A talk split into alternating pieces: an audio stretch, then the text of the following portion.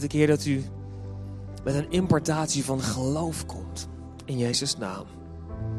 Gewoon op de plek waar we zijn. Heer, een importatie van geloof. Wat we horen, wat we lezen over u. Wat we zelf gehoord hebben, wat we gezien hebben. Heilige Geest, ik bid Heer dat u geloof laat groeien.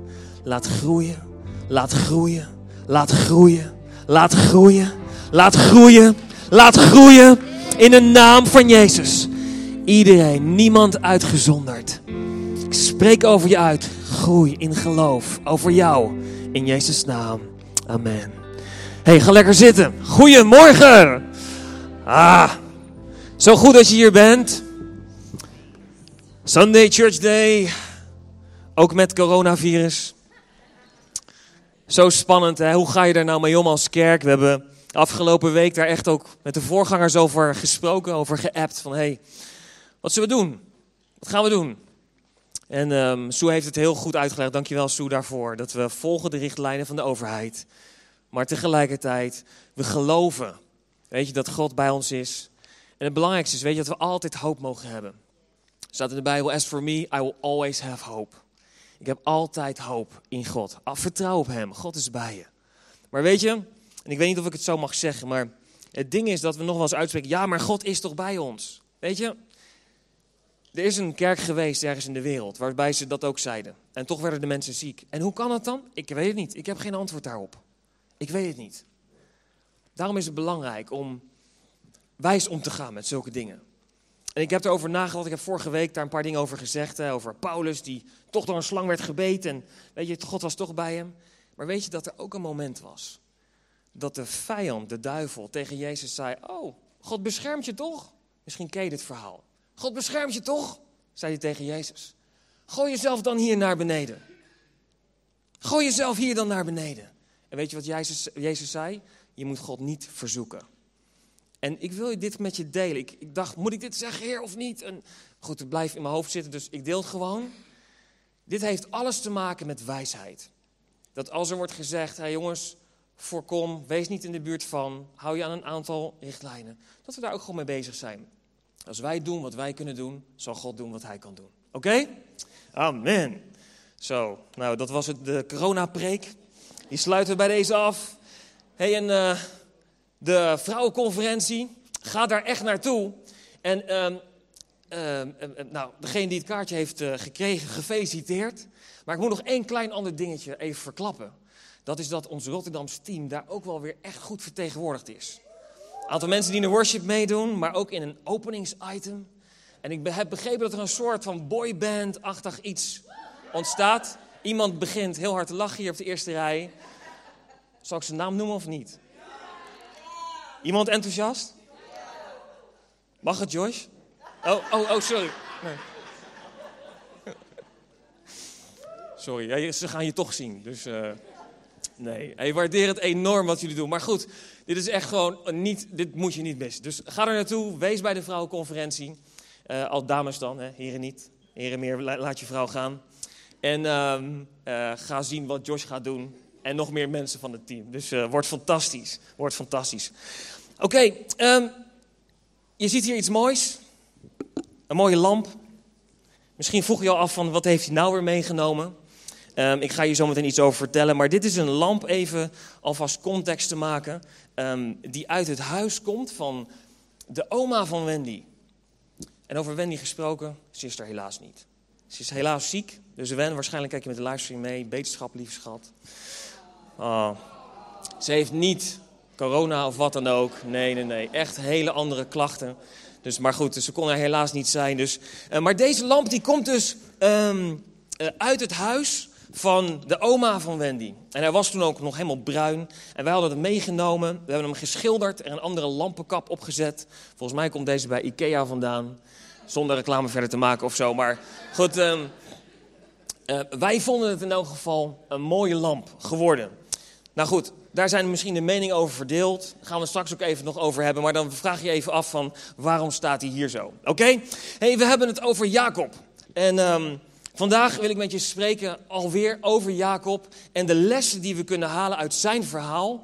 ehm, die we ook gewoon kunnen lezen met elkaar in de Bijbel. En vandaag wil ik het met je hebben over Jacob in ons allemaal. Want waarschijnlijk heb je in de spreekserie die we vanaf januari uh, gestart zijn, heb je vast wel elementen um, gelezen, gehoord, waarvan je zegt van hé, hey, dat lijkt wel op hoe ik mijn leven leid. Dat lijkt wel op eigenschappen, karaktereigenschappen um, die ik tegenkom. En het mooie is dat we in de Bijbel kunnen lezen hoe Jacob daarmee omging. Of hoe God ermee omging. En ja, hoe we daar uiteindelijk mee om kunnen gaan. En, en een beter persoon kunnen worden. En, en meer kunnen gaan wandelen in het plan hoe God dat voor ons heeft. Nou weet je, behalve dat we naar Jacobs leven kunnen kijken, hebben we ook gekeken naar de levens van mensen om hem heen. En één daarvan was Esau. En het verhaal van Esau is eigenlijk dit. Het staat zelfs in het Nieuwe Testament dat Esau was zo onverschillig dat hij daardoor even, dit is de korte samenvatting, was zo onverschillig voor zijn eerstgeboorterecht, voor de zegen die God wilde geven, zoals dat ook gebruikelijk was, dat hij uiteindelijk de zegen miste. En Jacob was de man die eigenlijk zo graag de zegen wilde hebben, waarvan hij misschien nog niet eens heel goed wist wat dat nou allemaal inhield. En dat hij zelfs daarvoor wilde bedriegen. Dat hij zelfs daarvoor andere mensen in de maling wilde nemen. Maar Esau was eigenlijk ja, de man die het hem allemaal niet zo kon interesseren. En dit is een van de lessen die we kunnen leren hieruit. Dat wat God jou gegeven heeft, de zegening die God je gegeven heeft, dat de beloftes die op je leven rusten, Soms kan het zijn dat je in een gewoonte komt. Het kan gewoon worden om naar de kerk te gaan. Het kan gewoon worden om thuis stille tijd te houden of uh, ja, God, God te zoeken. En dat het misschien niet meer speciaal is, niet meer speciaal genoeg. En dat lijkt de situatie te zijn bij Esau. En uiteindelijk miste hij dus de volle zegen, de zegen die eigenlijk bedoeld was voor hem, omdat hij als eerstgeboorte daar recht op had. En zo geldt voor ons allemaal dat er een belofte is op ons leven, dat God een plan heeft voor jouw leven. En de vraag is, hoe gaan wij daarmee om? En dan wil ik niet zeggen dat we iedereen moeten bedriegen, zoals Jacob dat deed. Dat is niet wat ik bedoel. Maar het verhaal wat we uit Esau leren is van, kan het ons, doet het ons nog iets? Of zijn we misschien ook wel in een soort gewoonte terechtgeraakt? Ik vond in elk geval dat dit een mooi punt was om vast te houden dat het niet gewoon is, maar dat het buitengewoon is. Het leven met God, de beloftes die Hij voor je heeft. Nou is er nog een ander interessante personage. En daar gaan we richting de lamp over praten. En dat is de eerste vrouw van Jacob. Eerste vrouw van Jacob, was hij dan gescheiden of hoe zat het? Nee, het verhaal zit zo. In die tijd was het nog um, uh, gewoon om als man meerdere vrouwen te hebben. En dat gebeurde ook. Je kent het verhaal misschien wel. Jacob die vluchtte, ging wonen bij zijn oom. En um, hij vond daar zo een hele leuke, mooie dame. Dat was toevallig dan ook de dochter van zijn oom. In die tijd trouwde hij nog ook met je neven en nichten. Dus, maar goed, dat is in die tijd. Hè. Het gaat uiteindelijk even over de context en over de principes. En wat er gebeurde is, hij werd verliefd op de tweede dochter van zijn oom. En daar wilde hij mee trouwen. Hij maakte een deal. En hij zei: Oké, ik ga zeven jaar werken voor haar. Dan mag ik met haar trouwen. Dus hij ging trouwen. Uh, tenminste, het trouwfeest kwam eraan. En de dag na het trouwfeest ontdekte hij dat hij niet was getrouwd met diegene waarmee hij hoopte te trouwen. Maar dat dat dus was met de eerste dochter van zijn oom. En dat was niet degene die hij eigenlijk voor ogen had. Nou, het verhaal gaat verder. Dat hij dus naar zijn oom toe ging en zegt: Hé, hey, wat maak je me nou? Nou goed, zegt die oom, maar het is hier gebruikt dat eerst de eerste, de oudste trouwt en daarna pas de jongste. Dus ja, sorry, zo werkt het gewoon. En toen mocht hij een eh, week later mocht hij met eh, de tweede dochter trouwen. En nou goed, dan ging hij nog een keer zeven jaar werken. Maar dat betekent dat Jacob had dus twee vrouwen. Lea en Rachel, zo heten ze.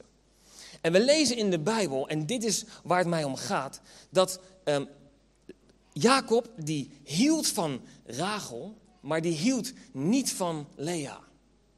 Dat is een bizar, bizar iets eigenlijk om over na te denken. En sterker nog, het staat ook echt gewoon keihard, zoals ik het nu uitspreek, in de Bijbel. In Genesis 29, vers 30, er staat gewoon letterlijk: Hij hield van Rachel, maar niet van Lea. Eigenlijk best erg. Wat voor gevoel moet dat hebben gehad voor Lea? Wat voor gevoel moet dat hebben gehad voor haar? Gewoon in de omgang met haar zus, die dus ook de vrouw was van dezelfde man maar ook in haar gevoel naar haar man toe of naar de wereld om haar heen. Nou was er één ding waar zij mazzel mee had, als ik dat zo mag zeggen. En dat is dat zij in verwachting raakte van een kind. van de eerste zoon voor Jacob. En in die tijd was het zo dat als je een kind kreeg als vrouw, dan was dat buitengewoon gezegend. En eigenlijk komt het erop neer, hoe meer kinderen je zou geven aan je man, hè, zo ging dat in die tijd, hoe meer kinderen, hoe gezegender je was. Nou goed, weet je, even context hè mensen, even, dit moet je even in de context van de tijd begrijpen. En wat er gebeurde was dit. Lea raakte dus in verwachting, staat in Genesis 29, vers 32. En ze kreeg een zoon en ze noemde hen Ruben. Toen zei ze, kijk, een zoon betekent dat. Want ze zei, de Heer heeft mijn ellende gezien. Ik kan me goed voorstellen dat ze zich ellendig gevoeld heeft. En nu zal mijn man van, mijn houden, van mij houden. En je ziet hier dat de zegen van het krijgen van een kind, in het geval van Lea, dat ze dat gebruikte om de goedkeuring te verwerven bij haar man. Ze hoopte dat. Wat hoorde ik nou? Oké. Ze hoopte dus dat door het geven van kinderen, door het krijgen van kinderen, dat haar man van haar zou gaan houden. Maar bij één zoon bleef het niet. Want bij ze kreeg een tweede zoon, Simeon. En ook daarin zei ze: Ik hoop eigenlijk dat mijn man dan nu van me gaat houden. En toen kwam er een derde zoon. En ook daar lezen we in hetzelfde stuk dat ze opnieuw zegt: nu, Ik heb nu een derde zoon gekregen, Ruben, Simeon, Levi. En dat ze opnieuw zegt: Ik hoop dat hij dan nu echt van me gaat houden. Eindelijk, dat hij mij ziet, dat hij naar me omkijkt en dat ik in zijn goedkeuring kom. Dat hij van me houdt. Maar ook daar, na de derde zoon, was dat niet het geval. Nog steeds was het dat Jacob zijn eerste, zijn voorkeur ging uit naar Rachel, naar de tweede vrouw. En hoe ernstig dit ook eigenlijk is, hoe, wat voor gevoelens er allemaal bij kunnen vrijkomen. We lezen dat ze weer in verwachting raakten en daar gebeurde iets anders. De Bijbel leert ons daar, ze raakte in verwachting en ze kreeg nog een zoon. En toen zei ze, nu zal ik de Heer prijzen. En ze noemde hem Juda. Nou, er zijn heel, eigenlijk is het een beetje een soort theologische studie. Dus ik hoop dat je houdt van diep. Maar ik heb niet heel veel tijd om heel veel teksten erbij te halen. Dus ik ga het heel kort samenvatten. We zien dus dat de eerste drie zonen van Lea, die ze kreeg, hadden het gevoel bij haar en de hoop dat ze goedkeuring zou krijgen van haar man. Dat uiteindelijk haar man van haar zou gaan houden. En we zien een switch ontstaan bij de vierde zoon, dat er iets was van, ondanks dat mijn man misschien niet van me houdt. Ondanks dat ik misschien wel een, iemand, nou goed, niet belangrijk ben in zijn ogen. Ondanks dat ga ik nu de Heer aanbidden. Ga ik hem nu danken. En het interessante in dit verhaal is dit. Dat als we kijken naar de geslachtslijnen, waar Boas uit voorkomt, waar David, koning David uit voortkomt, en waar uiteindelijk Jezus uit voortkomt, dan zien we, als we dat terugrekenen, dat dat is bij de vierde zoon van Lea. Kan het zijn, als we hem verplaatsen naar ons eigen leven, naar wat God in ons leven wil doen, dat wij soms te gefocust zijn op dingen doen voor de goedkeuring van andere mensen? Kan het zijn dat we misschien ons, ons, um, ons inzetten, en hoe, hoe hard we ons ook inzetten voor God, of voor, voor, voor dingen, om goede dingen te doen. Dat we misschien merken, hé, hey, het gaat niet zoals ik zou willen. De uitkomst lijkt niet te gaan richting een soort gewenst resultaat. Het lijkt alsof de zegen van God daar niet voldoende op is. En dat we misschien wel ja, verward raken. Dat we iets hebben van, is dit het nou? En weet je, we zien hier dat Lea een switch maakte. En dat ze zei van, oké, niet meer voor de goedkeuring van mijn man. Niet meer om geliefd te worden door Hem. Niet meer om geliefd te worden door andere mensen. Maar voor God. Om door Hem geliefd te worden. En we zien dat daar de zegen van God door kon gaan. En kan het zijn dat in ons leven, waar wij misschien merken dat de zegen van God, Heer, wat wilt u nou? Welke kant wilt u nou opgaan? En dat, we, dat je misschien ergens tegenaan loopt. Dat we hier een switch mogen maken. Doe de dingen van God.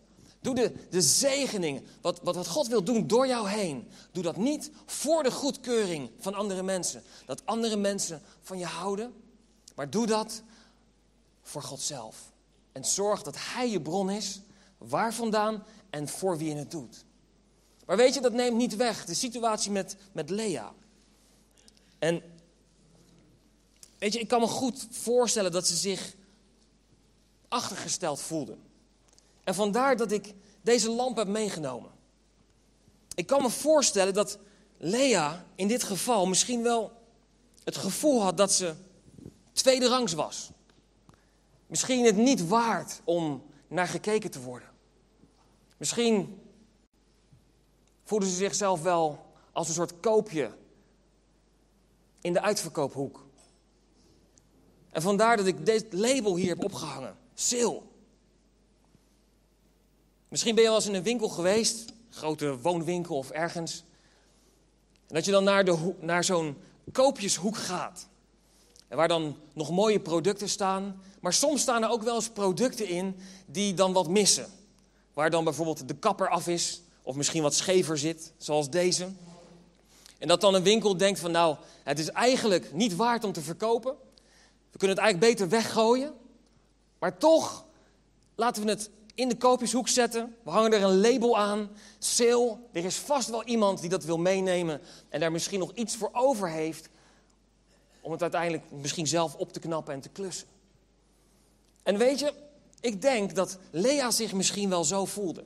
Als een lampenkap die afgebroken was. Die in de hoek stond. En die niet gezien werd. En weet je, soms kan het zijn dat wij onszelf ook zo voelen. Dat we in ons leven, dat er dingen gebeurd zijn, waardoor we ons misschien een gebroken lampenkap voelen. Waardoor we ons een tweedehandsje voelen.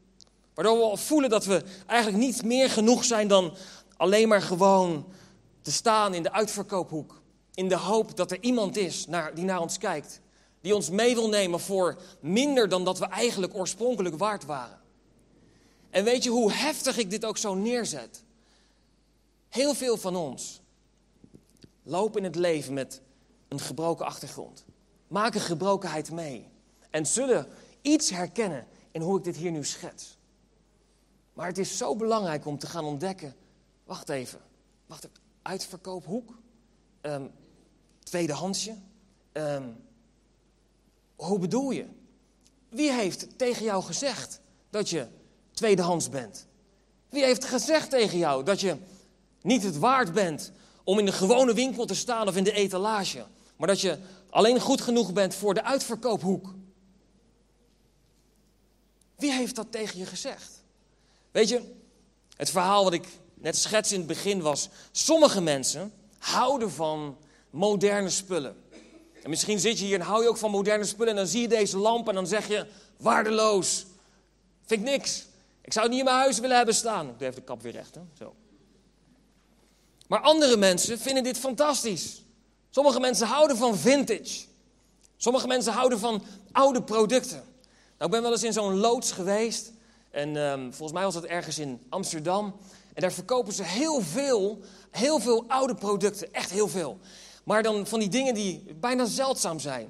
Nou echt, die zijn duur. Die zijn ontzettend duur. Maar het is maar wie je meeneemt, of die ervan houdt of niet. Als iemand niet van vintage houdt, als iemand niet van deze stijl houdt, en je gaat met die persoon samen naar de winkel en je loopt hier zo en je zegt van, hé, hey, dat is een... En die persoon naast je zegt, vindt helemaal niks, waardeloos. En ze lopen door. Wat is jouw gedachte dan daarbij? Dan denk je, oh, nou ja, ben je dan zo overtuigd van jezelf dat je kunt zeggen, maar ik vind dit wel mooi, ik neem hem nu gelijk mee? Of laat je je mening beïnvloeden door de uitspraak van iemand anders?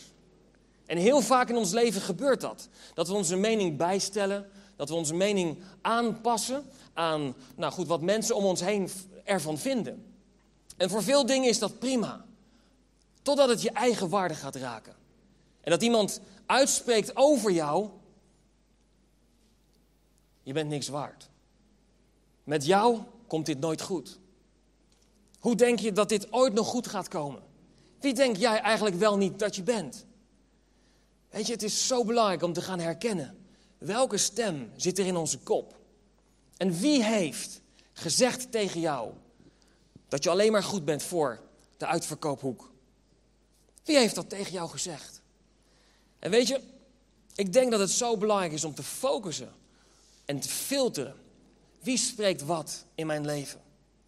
Heb een paar weken geleden iets over tegen Joy mogen zeggen daarover. Ze is nu bij de kinderen. En het is het heel simpel, het verhaal. Ik heb tegen haar gezegd, lieve meid, weet je, alle woorden die je gebruikt zijn zaadjes. Alle woorden die je gebruikt zijn zaadjes. Als jij een mooi woord uitspreekt, en je, is dat een zaadje wat in de grond komt, en dan komt een mooie bloem uit. Maar alle lelijke woorden die je uitspreekt over andere mensen, over jezelf, dan wordt er, gaat die ook groeien en dan komt er een lelijke bloem. En zo heb ik haar dit heel simpel, heel eenvoudig uitgelegd. Maar zo moeten wij gaan kijken. Hoe ziet het bloemenveld in ons hoofd eruit? Wat voor bloemen zijn hier te zien? Zijn dat mooie lentebloemen? Of zijn er ook bloemen tussen die er minder mooi uitzien? Omdat er woorden over ons uitgesproken zijn. Of dat er gedachten in onszelf opgekomen zijn. En weet je wat het is? Ik zou willen dat ons groeien in vertrouwen, ons groeien in zelfvertrouwen, ons groeien in geloof automatisch zou gaan. Ik zou het willen. Maar ik moet je iets verklappen. Helaas is dat niet zo. Helaas gaat het automatisch dat het niet de goede kant op gaat. En moeten we ervoor kiezen en focussen op de stem van God. Op de waarheid. Hoe God kijkt naar ons. Wat zijn beloftes zijn op ons leven. En dat is wat ik een paar weken geleden heb mogen delen over de voetbal hier. Femke had me neergeschopt, weet je nog, met de bal. Tenminste voor degenen die er dan waren. Hè? Maar waar ik had uitgelegd om te focussen op de bal. Te kijken naar wat God aan het doen is. Te kijken naar de zegeningen van God. Maar dus ook te kijken naar de woorden van waarheid van God die op mij afkomen. En je niet te laten afleiden door mensen die aan de zijlijn staan te schreeuwen. En te roepen een ander voetbalteam aan te kondigen. Ik ga geen andere voetbalteams noemen nu op dit moment. Maar we zien in elk geval dat Feyenoord weer in de finale staat, toch? Amen, amen. Een aantal mensen zijn enthousiast, sommige mensen niet. Dat geeft helemaal niet. Het gebed zien we straks open aan de rechterkant. Kan je voor je laten bidden. Welk gevoel je ook met je meedraagt. Amen, amen. hey, kern is dus, hoe ziet het bloemenveld in je hoofd eruit? Ga daar mee aan de slag, ga er naar kijken. En wie heeft tegen jou gezegd dat je het niet waard bent om, eh, weet je, nou uiteindelijk alleen maar goed bent voor de uitverkoophoek, zoals deze lamp hier met zijn sale badge uh, hier zo staat. Kijk naar wat God werkelijk over jou uitspreekt. En lees dat in zijn woord, ontvang dat en hou dat vast. Maar weet je, soms is er ook tegenstand. En dat is wat we ook leren van Jacob. Jacob had, um, we kennen het verhaal van de worsteling met God en daar ga ik zo meteen nog iets meer over zeggen. Maar Jacob had ook een worsteling natuurlijk met Esau. Hij had een worsteling met zijn oom. Weet je niet dat hij letterlijk aan het vechten was, maar er gebeurden dingen. Er, waren er was tegenstand wat hij ervaarde. En het mooie van Jacob is wat we zien, is dat hij niet opgeeft. Jacob die gaat door, die gaat door en die gaat door. En dat zien we terug uiteindelijk in Genesis 32, vers 24 tot 28, waarin, die zien, waarin we zien dat hij aan het worstelen was met God. En we hebben dat eerder uitgelicht, maar ik ga hem opnieuw noemen. Hier staat, iemand worstelde met hem tot de dag, tot de dag begon te worden. En toen hij merkte dat hij Jacob niet kon overwinnen, sloeg hij hem op zijn heupgewricht. En daardoor schoot het gewricht uit de kom tijdens de worsteling. En toen zei hij, laten we gaan, want het wordt dag. Maar Jacob zei, ik laat u pas los als u mij zegent. Hier zien we weer dat Jacob was zo gebrand op die zegen. Hij was zo gebrand op de zegen. Hij wilde niet loslaten. Hij wilde niet laten gaan totdat hij een zegen zou krijgen. En de man vroeg, hoe heet je? Hij antwoordde Jacob, Ehm, hij antwoordde Jacob. En toen zei de man: Je zal niet langer Jacob, en dat betekent verdringer heten, of bedrieger in andere vertaling. Maar je zal voortaan heten Israël. En dat staat in de basisbijbel staat dat het betekent worstelaar met God. Dit is echt eigenlijk een heel bizarre situatie. Je ziet hier dat er werd geworsteld. En Jacob die was aan het worstelen met God. En wat ik mooi vind hiervan is we hebben dat volgens mij aan het begin van de serie ook genoemd. Dat we, kan het zijn dat wij soms niet aan het worstelen zijn met ehm, eh, issues en situaties, zoals bijvoorbeeld een Esau-situatie of een Laban-situatie. Maar kan het zijn dat we soms aan het worstelen zijn met God zelf? Dat God een plan voor je heeft, Dat God een zegen voor je heeft, aan je wil geven. Maar dat we op een of andere manier aan het strijden zijn, aan het worstelen zijn tegen God. Kan het zijn dat je moeite ervaart in je leven. En dat je iets hebt van, Heer, wat is nou die volgende stap? En dat God je die al lang klaar heeft. Dat hij al lang die zegen aan je wil geven. Maar dat je misschien moet overgeven. En dat je moet zeggen, oké Heer, niet mijn wil, maar uw wil. Kan het zijn dat dit gevecht hier een symbool was voor de menselijke wil? Waarbij God heeft gezegd, ik zal niet een mens overroelen. In de zin van dat ik door zijn, uh, zijn um, hoe, hoe zeg ik dat goed? God geeft ons de vrijheid. We mogen zelf kiezen voor Hem. Hij zal ons nooit commanderen. Het is onze eigen wil dat we een keuze maken voor God. Voor Hem te leven, met Hem te leven of niet. Het is helemaal aan ons. En kan het zijn dat dat hier gereflecteerd werd? Dat Jacob zijn wil zo sterk was, dat hij aan het worstelen was. Maar dat wij in ons leven misschien ook wel zo'n sterke wil hebben. En aan het worstelen zijn met het plan wat God heeft voor ons leven. En misschien moeten we hier een switch maken en zeggen: Oké, Heer, niet meer mijn wil, maar uw wil. Maar Jacob was aan het worstelen. En wat er gebeurde, is dat de worsteling kende geen einde. Dus wat gebeurde daar? Hij werd geraakt op zijn heup. En dat deed zeer. Dat deed pijn. Ik heb het zelf nooit meegemaakt, maar ik heb me laten vertellen dat als je heup ontwricht wordt, dat dat echt heel pijnlijk is. En het interessante is wat we hier zien, is dat Jacob, ondanks die situatie, waarbij hij dus toch eigenlijk um, ja, het onderspit deelt, waarbij hij toch pijn kreeg, dat hij nog steeds niet losliet en dat hij de zegen wilde ontvangen. Hij had meer andere opties, had andere keuzes kunnen maken. Want hoe vaak is het niet in ons leven dat als wij een situatie meemaken die ons pijn doet, ook al, weet je, hebben we te maken met iets waar we in het, in, in het plan van God mee bezig zijn. Maar dat we dingen tegenkomen die ons raken. En waardoor we misschien pijn krijgen in ons leven. Dat we dan misschien als eerst zeggen, nou, dan hoeft het voor mij niet meer. Jacob had ook misschien weg kunnen rennen. Als eerste. En zeggen, nou, oh, als het zo moet, wegwezen.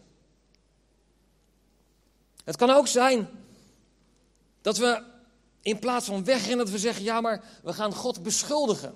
Het is uw fout. Als u er dan maar was. En dan komt het grote waarom-vraag. Waar we niet altijd een antwoord op hebben. Waar we niet altijd direct op dit moment hier op aarde een antwoord op hebben. En wat kan ontstaan is dat we afstand creëren van God. Dat we sceptisch worden en dat we zeggen van nou, het hoeft voor mij niet meer. Het kan ook zijn dat we ons terugtrekken. En dat we wel blijven op de plek waar we zijn. Dat had Jacob ook kunnen doen, maar dat dan ja, toch een wat voorzichtigere houding.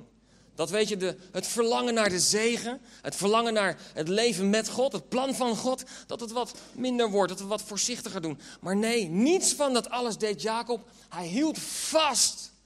Hij was vastgebeten aan de persoon. En hij zei: Nee, ik wil die zegen. En ik geloof dat wij dit ook mogen doen. Als wij situaties meemaken, als er dingen gebeuren in ons leven die niet helemaal gaan zoals we zouden willen als we geraakt worden. Als we misschien ook dingen in de kerk meemaken. Dingen juist over het geloof. Juist misschien over gewoon ons leven met God. Dat we dingen niet altijd snappen. Je kunt wegrennen. Je kunt God boos worden op God, God beschuldigen. Je kan jezelf terugtrekken en zeggen van nou, ik zie het wel een beetje aan, maar je kunt ook zeggen nee, ik blijf in vol geloof. Ik zeg Heer, help mij hier doorheen. Leer mij en zegen mij. Want ik geloof dat de zegen die voor mij heeft er nog steeds is. Er nog steeds is. En weet je wat het interessant is wat we hier zien? Hij houdt hem vast. En wat er gebeurt is dat God tegen hem zegt. Want we gaan ervan uit dat hij dus worstelde met God of met een engel of met Jezus. Weet je, dat, we weten het niet precies, maar in elk geval iets vanuit de hemel. En wat er gebeurde is, hij vroeg aan hem, hey, wat is je naam? Jacob. En wat er gebeurde is dat God gaf hem een nieuwe identiteit. Maar we zien dat hij die identiteit pas krijgt omdat hij na het worstelen, nadat hij pijn kreeg, vast bleef houden aan God. Dat hij hem vast bleef houden en zei: Ik ga niet weg voordat u mij gezegend heeft. En misschien zit jij in zo'n situatie op dit moment. Dat je een uitdaging meemaakt. Ik wil je bemoedigen. Ontvang dit stuk. Hou, blijf aan God vasthouden. Als je aan het zoekende bent van wie ben ik nou eigenlijk? Als je aan het worstelen bent met je oude leven, met misschien wel gebrokenheid. Dat je jezelf voelt alsof je alleen maar in de uitverkoophoek kan staan. Hou vast aan God, aan God. Ook al komt daar die worsteling. Ook heb je het gevoel van, Heer, wie bent u nou echt? Hou vast, hou aan God vast. Hij zal je een nieuwe identiteit geven. En weet je, het mooie is dat als we dit lezen, jaren later, en we hebben ook dit al kort toegelicht, maar opnieuw wil ik het je meegeven, omdat dit zo fundamenteel is voor ons leven. Mozes, God riep Mozes in de brandende braamstuik. En weet je het mooie is? God stelde zich voor. Hij stelde zich voor aan Mozes als, en hier staat hij in Exodus 3, vers 4 tot 6. God riep vanuit de braamstuik, Mozes, Mozes, zei hij. Ja, heer. Toen zei de heer, kom niet dichterbij, trek je schoenen uit, want je staat op heilige grond. God ging iets heel bijzonders doen. En God wilde Mozes roepen, wilde iets tegen hem zeggen. En toen zei hij, ik ben de God van je vader, de God van Abraham, de God van Isaac en de God van Jacob. En het interessante is hier dat God niet zei, ik ben de God van Israël. En Israël stond voor de nieuwe identiteit. Dus God had Jacob gezegend, had hem nieuw gemaakt. Hij had gezegd, je heet niet meer Jacob, de bedrieger, de verdringer, maar je heet vanaf nu Israël. Maar hier stelt God zich niet voor als de God van de nieuwe identiteit van Jacob. Maar hij zegt, ik ben de God van Jacob. En dat betekent de bedrieger. En ik geloof dat we dit mogen meenemen. Dat God het ook tegen ons wil zeggen. Dat God niet alleen de God is van onze nieuwe ik, onze perfecte ik, onze goede ik. Maar dat God de God is van onze gebrokenheid. Dat God de God is die voor ons opkomt. Gewoon in de situatie, right here, waar je nu op dit moment bent. En weet je, wat ik zo mooi vind in dit stuk, is dat als we kijken dat Mozes zegt dan tegen God, oké, hij luistert naar hem en God zegt tegen hem, je moet naar het volk Israël gaan en je hebt een mooie boodschap, want ik ga jullie bevrijden uit Egypte. En dan zegt Mozes tegen God, oké heer, prima, maar wie moet ik dan zeggen dat mij stuurt? En dan zegt God opnieuw daar zo, je moet zeggen dat de God van Abraham, de God van Isaac en de God van Jacob je heeft gezonden. En wat ik hieruit haal, is dat God ons compleet niet voor ons schaamt. God is de God van Jacob, de bedrieger. God is de God van David, die ook overspel deed. God is de God van degene die in de Bijbel fouten maakten, die dingen niet goed deden. De lafaards, God van Gideon, vul ze maar in.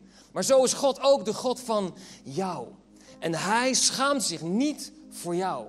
Wat je ook gedaan hebt, welke fouten er ook gebeurd zijn in je leven, hoe je jezelf ook voelt, wat er ook op dit moment aan de gang is. God is de God van Daniel. God is de God van vul je naam maar in. God is de God van je gebrokenheid. God is de God van alles wat je hebt meegemaakt. Waar je misschien op dit moment het gevoel van hebt. Ik ben niets meer waard dan om in de hoek te gaan staan. Met een uitverkopen label. Ik ben het niet waard omdat ik gebroken ben. Weet je, als jij je zo voelt. Ik geloof dat je vandaag mag meenemen. Dat God hier is. Op dit moment. En dat hij wil zeggen. Lieve, lieve, lieve. Vul je naam in. Dat hij zegt. Ik was de God van Abraham, Isaac en Jacob. Maar vandaag, en dat ben ik nog steeds, maar vandaag ben ik de God van jou. Mag ik je helpen? Mag ik je waarheid spreken over je leven? En misschien zit je hier en heb je gehoord wat ik hierover heb gezegd. Maar zit er zoveel dingen in je hoofd dat je zegt van ja, maar ik voel me nou eenmaal zo. Misschien is vandaag jouw dag dat God tegen je wil zeggen. Mag ik uitspreken hoe ik over jou denk? Mag ik nieuwe woorden geven? Mag ik nieuw leven spreken in de situatie waar je op dit moment bent? Misschien ben je hier En ben je aan het worstelen met God. En is vandaag jouw moment om jezelf over te geven. En te ontvangen. De zegen die God wil geven. En een nieuwe identiteit te ontvangen in jouw leven. Zullen we gaan staan? Ik wil het worshipteam vragen om ons nog mee te nemen in een heerlijk moment van worship.